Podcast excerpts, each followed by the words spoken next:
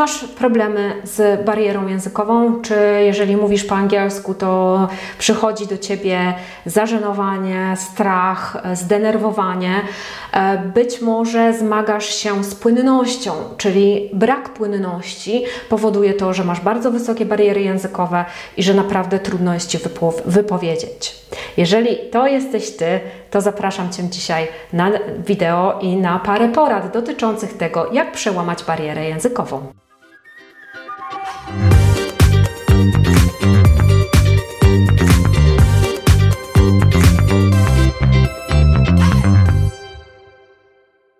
My name is Joanna and I'm your English Conversation Trainer. Cześć, mam na imię Asia i jestem Twoją trenerką angielskiej konwersacji. Zanim zaczniemy, zanim przejdziemy do tego, jak przełamać barierę językową w języku angielskim, zapraszam Cię na treningi angielskiej konwersacji z native speakerem. Treningi te mm, są przygotowywane dla Ciebie, pod Ciebie, pod Twój poziom, pod to, czego oczekujesz i jakie są Twoje cele językowe. Przygotowujemy Cię do prezentacji, do um, rozmowy kwalifikacyjnej, do podróży, do wszystkiego, co sobie możesz tylko wymarzyć, zamarzyć. Chcemy, abyś przełamał, przełamała swoje bariery językowe i nad tym przede wszystkim pracujemy. Bardzo skupiamy się na rozmowie, na tym, żeby nauczyć Cię mówić. Jeżeli chcesz w końcu mówić po angielsku płynnie, bez krępowania, zgłoś się do nas, czekamy na Ciebie. Linki zostawiam w opisie tego wideo, a my przechodzimy już do meritum. Więc podam Ci pięć sposobów na to, jak przełamać e, barierę językową w języku angielskim. Pierwsza rzecz, o której trzeba pomyśleć, to skąd się w ogóle bierze bariera językowa. Ale bardziej specyficznie do siebie pod, podchodzimy, czyli patrzymy na siebie, nie tak ogólnie, bo bariera językowa może być naprawdę, mieć wiele korzeni i wiele powodów. Może to być najczęściej, pochodzi ona ze szkoły, kiedy uczyliśmy się angielskiego, kiedy stawiali, stawiano nam jedynki, kiedy nie uczono nas mówić, kiedy dzieci się wyśmiewały jeden z drugiego i nauczyciele na to pozwalali. Więc tutaj naprawdę jest to taka bardzo często ta podstawa tej bariery językowej. E, ale też czasami pochodzi to z perfekcjonizmu, który też często się bierze ze szkoły, tak naprawdę. Ale bardzo często właśnie są to przyczyny tego typu. Więc bardzo ważne jest, abyś zastanowił się, zastanowiła się, skąd masz barierę językową, skąd ona się w ogóle u ciebie pierwszy raz wzięła. I żeby się nad tym zastanowić, weź sobie kartkę papieru, usiądź sobie po cichu w jakimś miejscu i pomyśl sobie, kiedy pierwszy raz pomyślałeś, pomyślałaś, że nie potrafisz mówić w języku angielskim lub poczułeś, poczułaś strach przed mówieniem w języku angielskim. Pomyśl sobie o tym dobrze i zapisz. E, to może być coś, co się niedawno wydarzyło, ale my tutaj, nam chodzi o to, żeby się naprawdę cofnąć w czasie. Czyli być może było to w szkole. Pomyśl sobie, jak wyglądała Twoja nauka w szkole. Czy ona faktycznie uczyła Cię mówić, czy nauczyła Cię tego, że mówienie musi być perfekcyjne, że jeżeli powiesz coś i zrobisz błąd, to świat się zawali i dostaniesz jedynkę. Pomyśl sobie o tym o, y, i zapisz sobie dokładnie swój powód i swoje korzenie bariery językowej. I to jest punkt pierwszy. Druga rzecz to zbadanie swojego poziomu, na którym jesteś. To jest też ważne, żeby faktycznie zdać sobie sprawę z tego, na jakim jesteś poziomie. Testów poziomujących na język angielski jest mnóstwo online. Można sobie wpisać test poziomujący z języka angielskiego w Google lub e, Level English Test, English Level Test e, i, i znaleźć sobie na przykład taki test. Ja Ci polecam nasz test e, z OK English, który jest troszeczkę trudny, ale myślę, że dobrze odzwierciedla to, na jakim jesteś poziomie. Więc warto sobie najpierw sprawdzić taki test pisemny zrobić, ale też warto sprawdzić sobie ustnie, e, na jakim jesteś poziomie. I tutaj e, jeżeli masz nauczyciela, nauczycielkę, to zapytaj się ich, czy mogą Ci taki test zrobić lub na jakim poziomie oni uważają, że jesteś.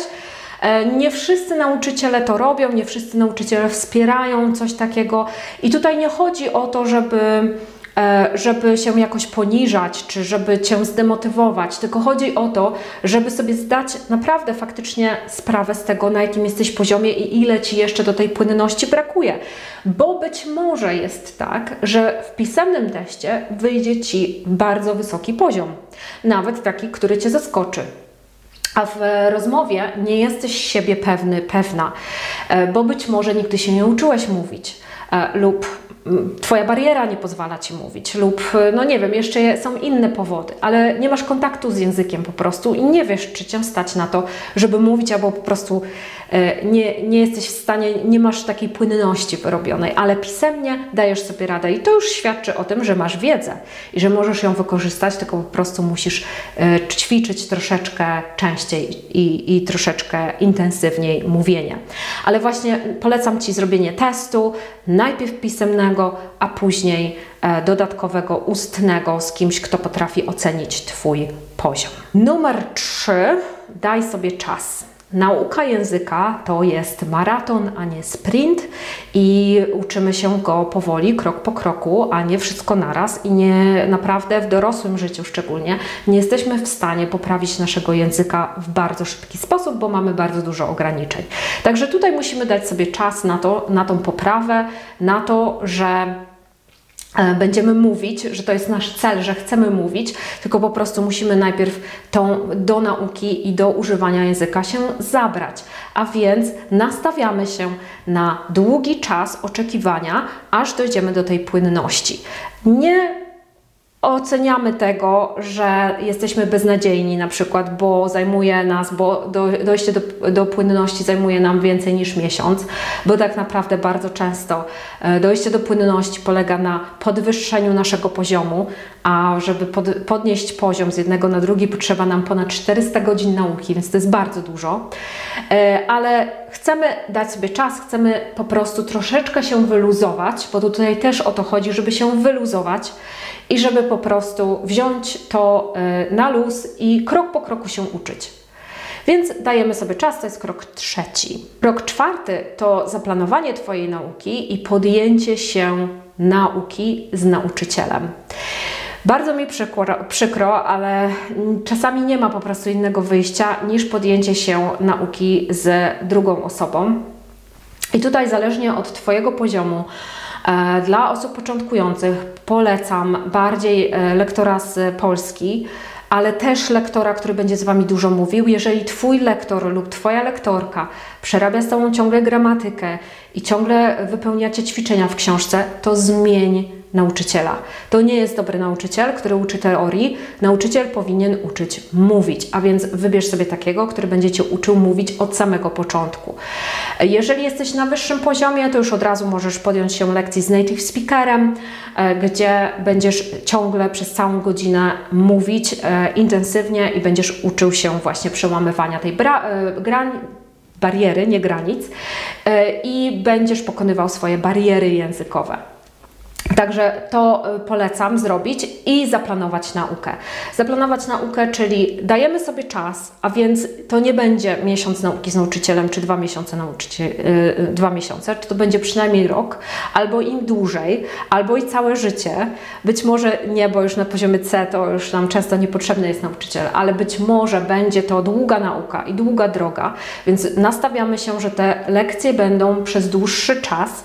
Nastawiamy się na to, że przez 5 dni w tygodniu, przez 15 minut robimy pracę domową, powtarzamy słówka, słuchamy czegoś dodatkowego, że mamy kontakt jednak z językiem również poza lekcjami. I to jest bardzo ważne.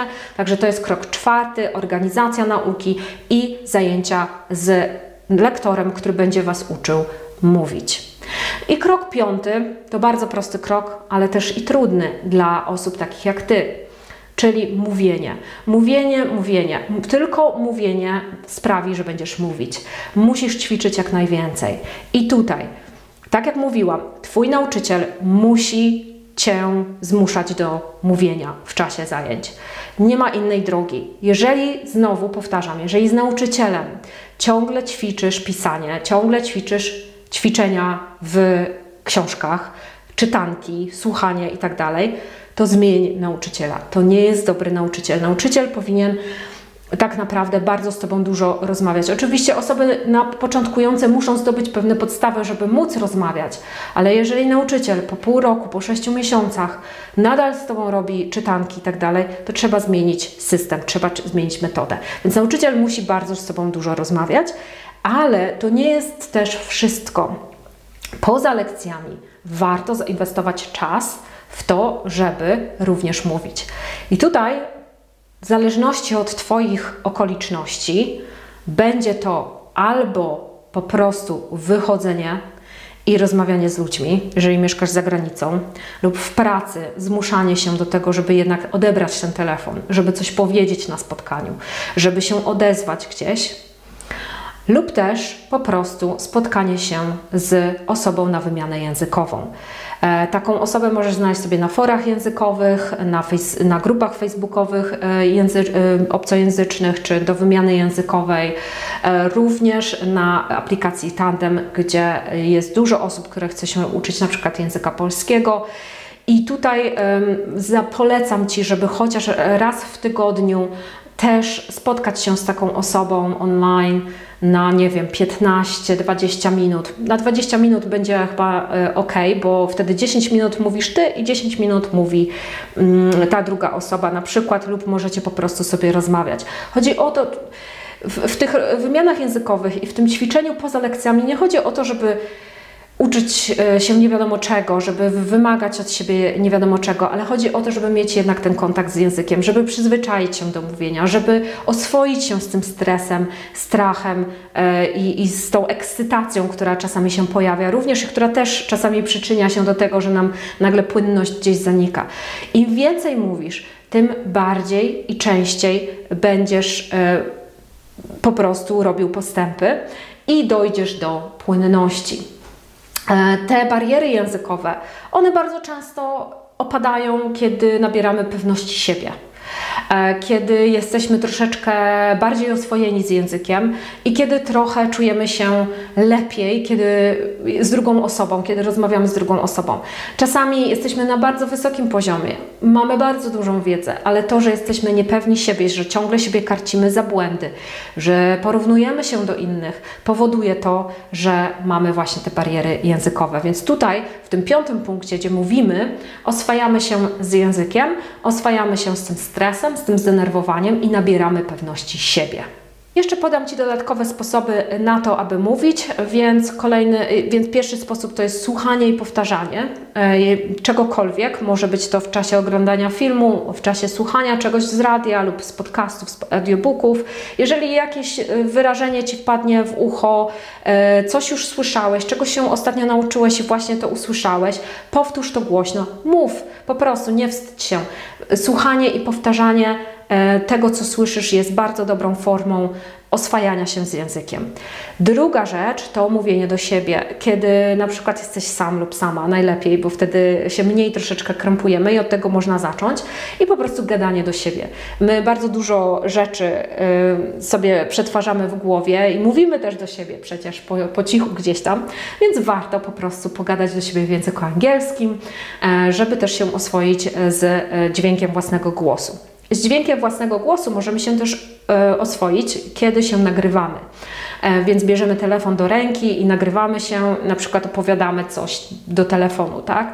Więc tutaj też e, się przyzwyczajamy do dźwięku własnego głosu, do tego, że robimy błędy, że się zawieszamy, że się jąkamy, że, nie, że brakuje nam słów. To jest wszystko kwestia oswojenia się i naprawdę to jest bardzo dobra metoda na to, żeby trochę przełamać te bariery językowe. Mam nadzieję, że Ci trochę pomogłam i że trochę zainspirowałam Cię do tego, żeby popracować nad angielskim i zburzyć bariery językowe. Życzę Ci wszystkiego najlepszego. Mam nadzieję, że spotkamy się niedługo na konsultacji i że dołączysz do OK English. Dziękuję Ci bardzo. Do zobaczenia, do usłyszenia.